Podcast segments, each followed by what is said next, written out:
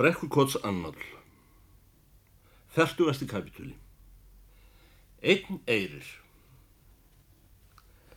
Haustinu hafði rétt andað hingað í jærkvöldi en í dag hafði því andað frá aftur. Það glitraði á regndrópana í grasbrúskonum millir hraðsteinanna og bjart sína síðsumarfýbla og fiskhreistrið í svaðinu og sló rauðum blæ á ræmfangið í sólskinninu. Það var á þessum morgni sem eftirlitsmaðurinn okkar óg á undan sér handvagnin eðan af Eyri og var Jónas Kallin Póliti í förum með honum. Þeir stemdu upp í kirkjugarð. Á handvagninum lá aflangur hlutur í mannstærð og breytt yfir segl. Þennan hlut lögðu þeir á fleka sem látin var þvers yfir bekkina í líkhúsinu. En þeir dróðu ekki seglið ofanaf. Eftirlitsmaðurinn hefði ekki komið heim um nóttina en nú kom hann heim á samt förnaut sínum að fá morgunkaffi. Afi minn situr í hjaldirum að bæta net sín og býður þeim félagum góðan daginn. Reykinn hjá henni ömmu minni lagði bynd upp í loftið á þessum ligna heiða síðsumarmorni eiliðarinnar. Ég spurði ekki hvað hefði gerst, nefn hvernig það hefði gerst. Mér langaði ekki til að vita það. En ég heyrði að ymsir hallmeltu eftirlitsmannum okkar fyrir hans hlut að þessu máli. Mörgum árum setna var mér lofað að rína í gamla lögreglubækur og rakst þar á skýrslu um stutta yfirherslu sem framhafði farið yfir eftirlitsmanninum okkar einmitt þennan dag. Þar ber hann að í klefa sinn á eirinni, eins og Harnarbakkin var æfinlega nefndur í þá daga, hafi komið gestur að vitja sín nær miðnætti í gerðkvöldi. Fóvitinn spyr hvað gesti hafi verið á höndum og svo sem ekki neitt, sagði eftirlitsmaðurinn. Hann eh, bað bara um að fá að deyja inni hjá mér og uh, hverju svöruðu þér, spyr fóvitinn. Ég sagði, gerðu svo vel vinur, svarar sá sem yfirhörður var. Fóvitinn og uh, síðan sá sem verður að yfirheyra, svarar svo. Hann eh, tók upp úr vasa sínum lítið hilki og bað mig að ganga út. Ég skal ekki endur segja fleira úr þessari lögreglu dagbók. Eftir að líkið hafi verið kistulagt var það látið standa uppi hjá henni Kristínu Sálugu mömmu hans. En þar sem ég hefði verið honum handgengin dagana sem hann dvaldist hér, þá axlaðist það svo til að ég var viðstattur þegar farteski hans var lokið upp á hótelinu og tæmdir vasar á fötum hans. Í ferðakistunum, þokkalegum nýlegum hirslum, voru tígulsteinar vafðir í hálm og annað ekki. Í vösum hans voru eftir fáinu danskir peningaseðlar, 5 og 10 krónur, aðeins innan við 100 krónur alls og margir bref sneflar útskrifaði með háum tölum mestan part algengir talnaleikir sem eru í því fólunir að mynda skringilegar og óvæntar niðurstöður.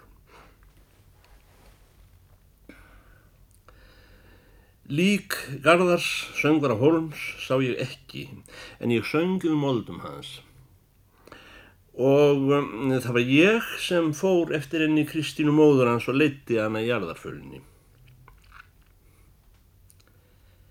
Það var jarðað frá líkúsinu, kirkjugarðinu en ekki frá dómkirkjunni.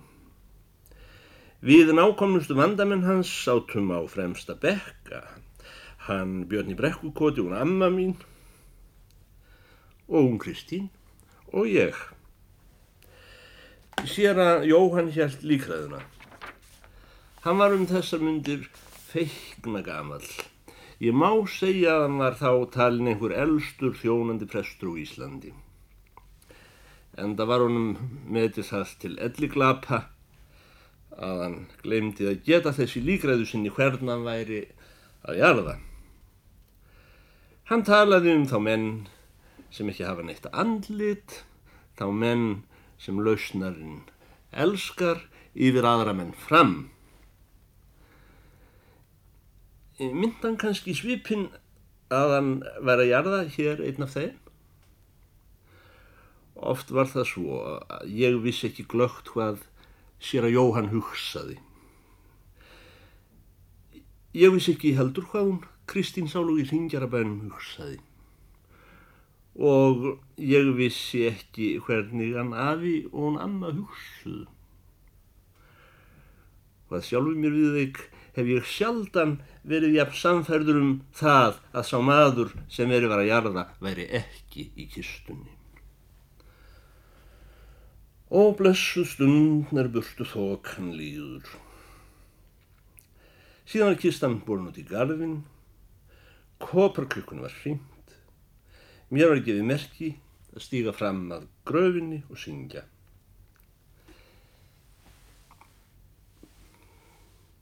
Í dag var eitt af þessum hvítu höstsólskinnum með öllítilli gólu.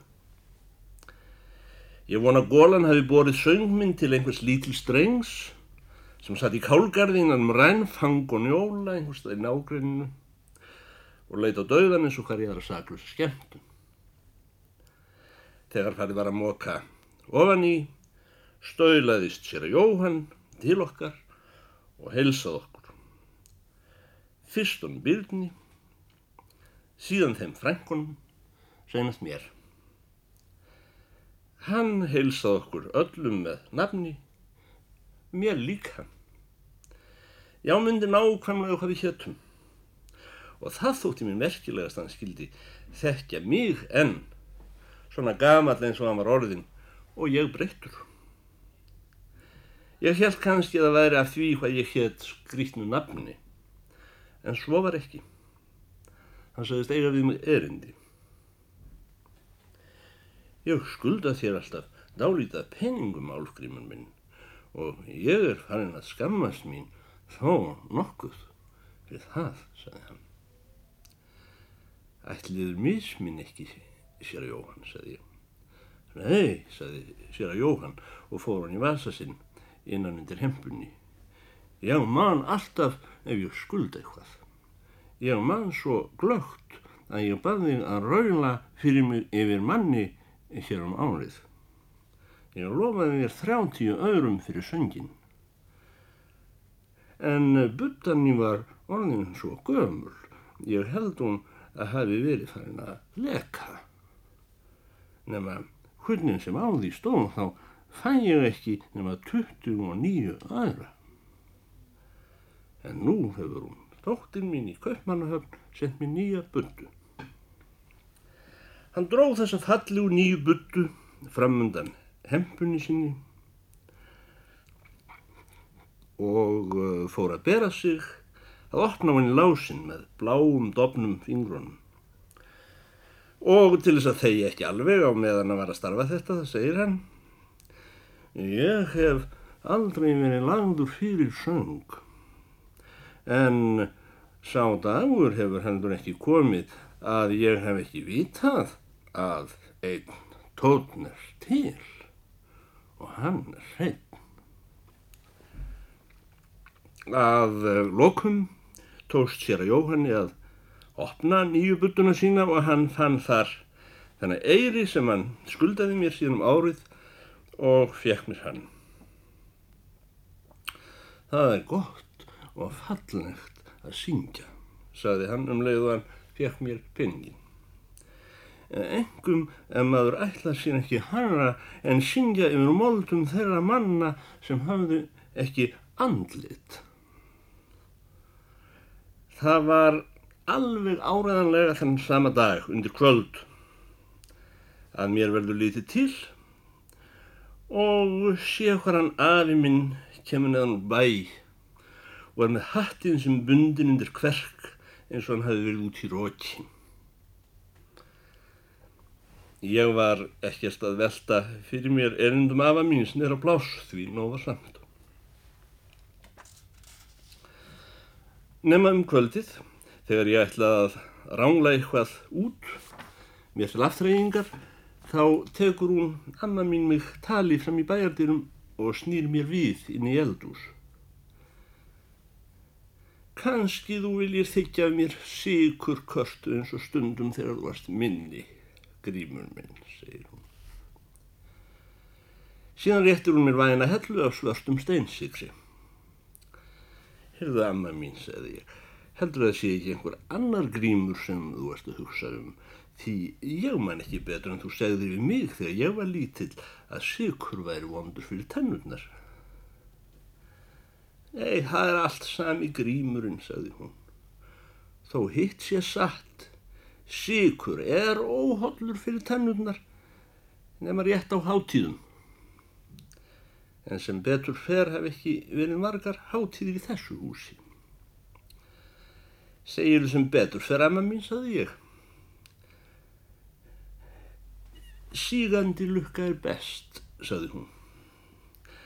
Þetta er alveg framúrskarandi síkur, amma, saði ég. Heyrðu grímur minn, saði hún þá.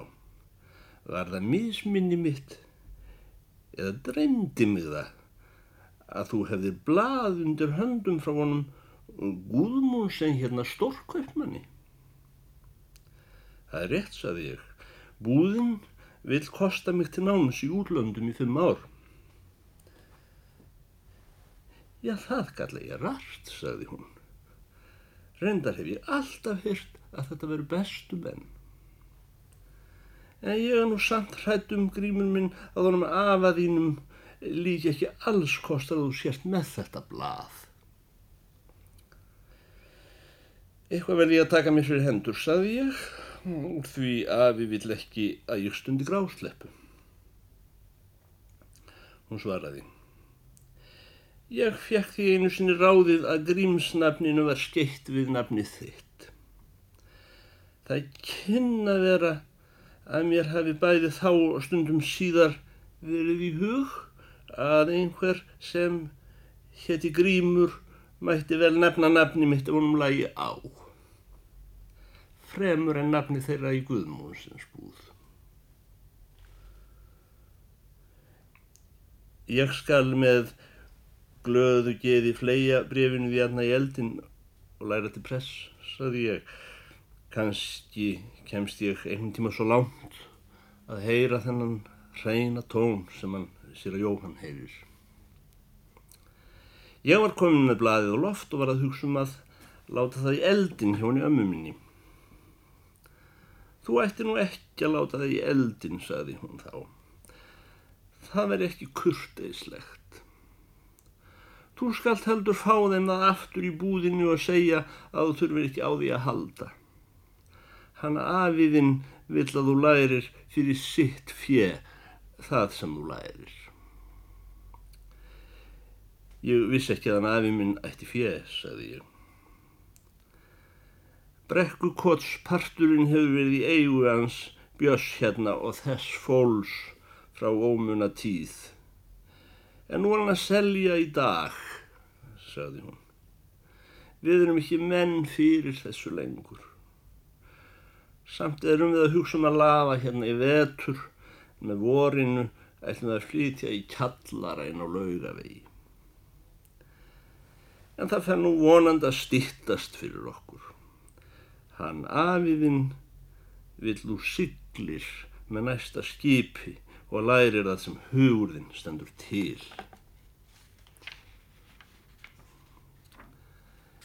Þertugast og fyrst kapitúli Söglokk Um sinn hefði ekki heyrst í klukkunni okkar frekar hann væri ekki til.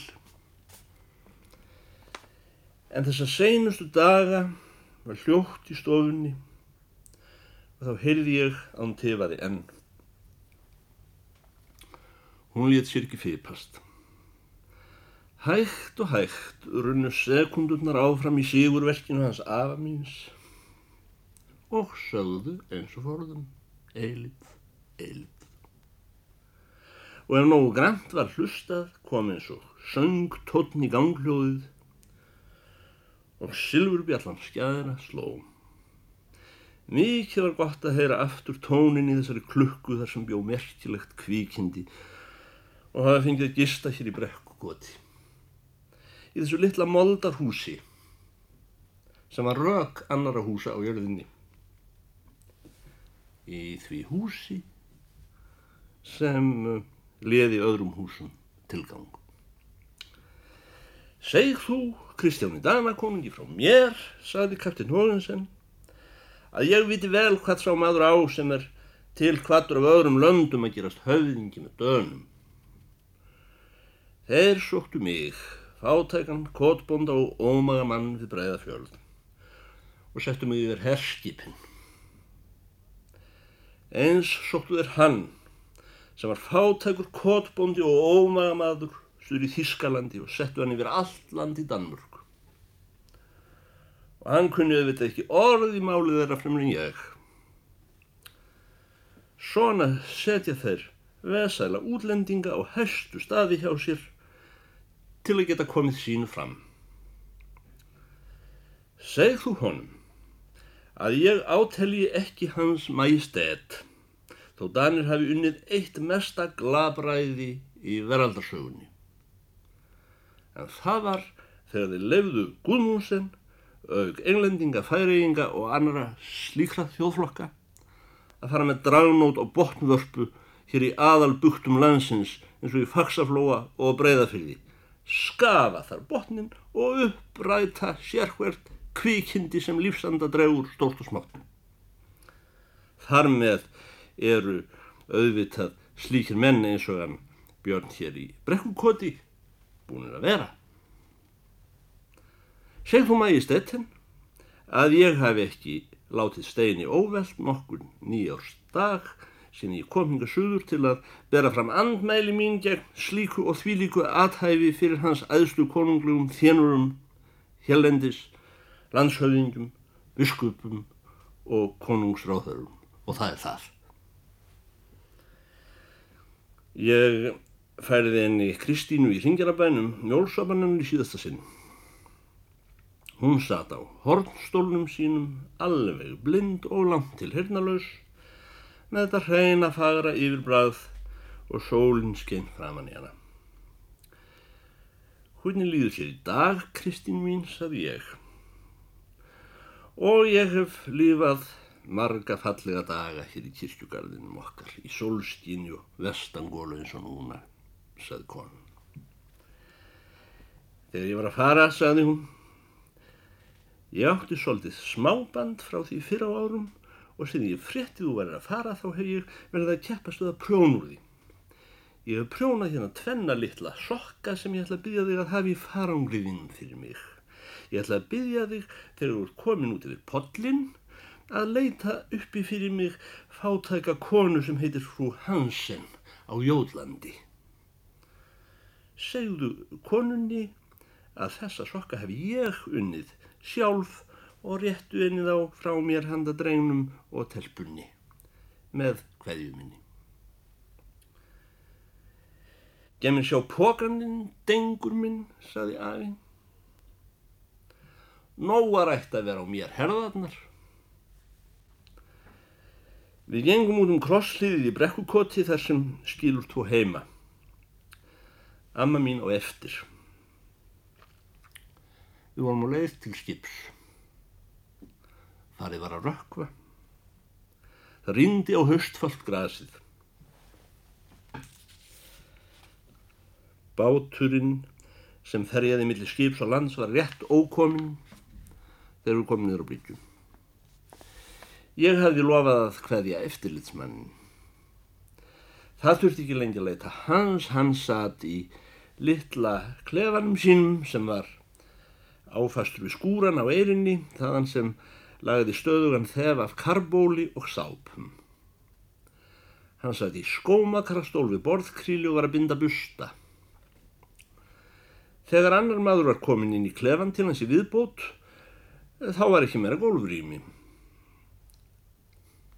Í stofnun hans allri, eirarkamrónum svo nefndum, var hvergi lófast og spýta öðruvísi en hvítþvegin. Ég held kannski að í þann tíð hafi ekki verið til fáaðri hreinleitistofnun á norðurkvæli jarðar. Við kölluðum hann aldrei annað en eftirlitsmannin og þegar ég var lítill þá held ég hann væri einhvers konar eftirlitsmaður yfir bænum eða jafnvel við landinu.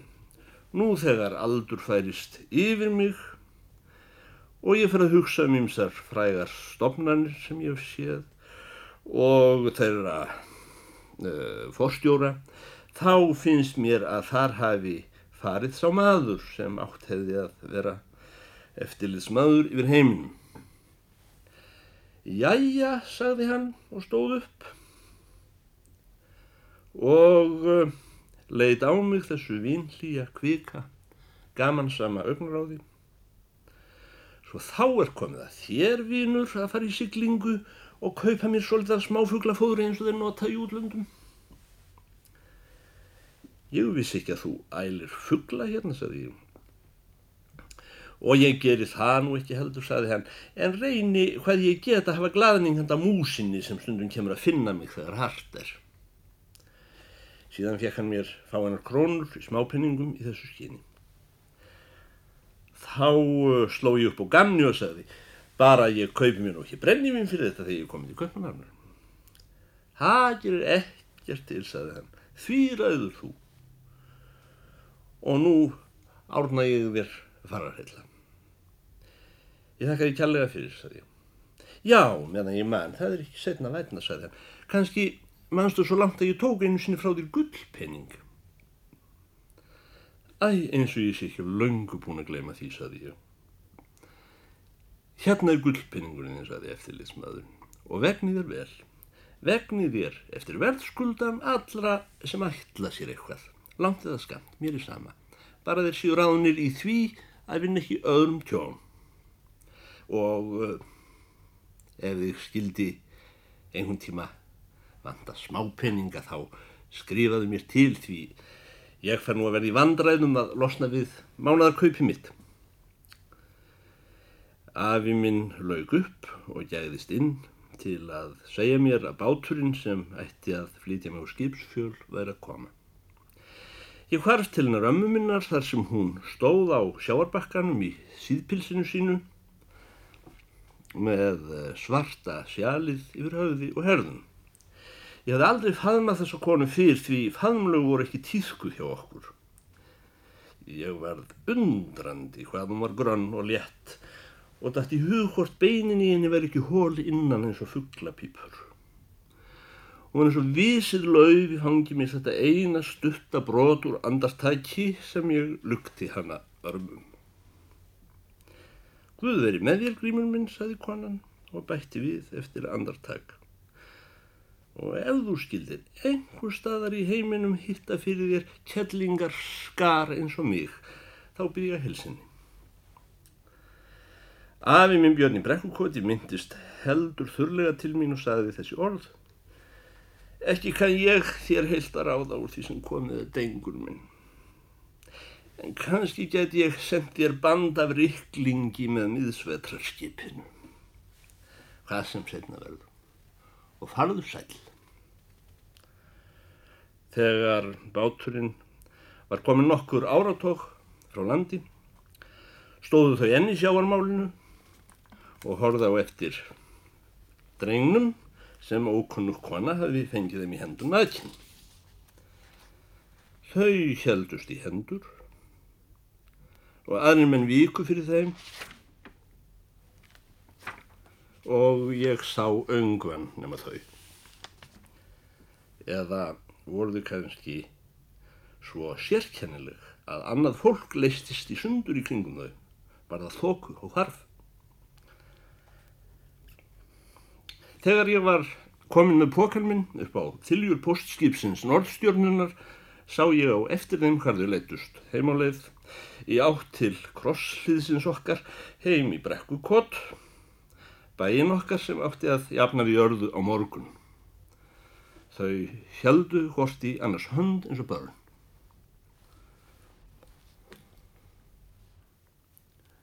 Haldur Lagsnes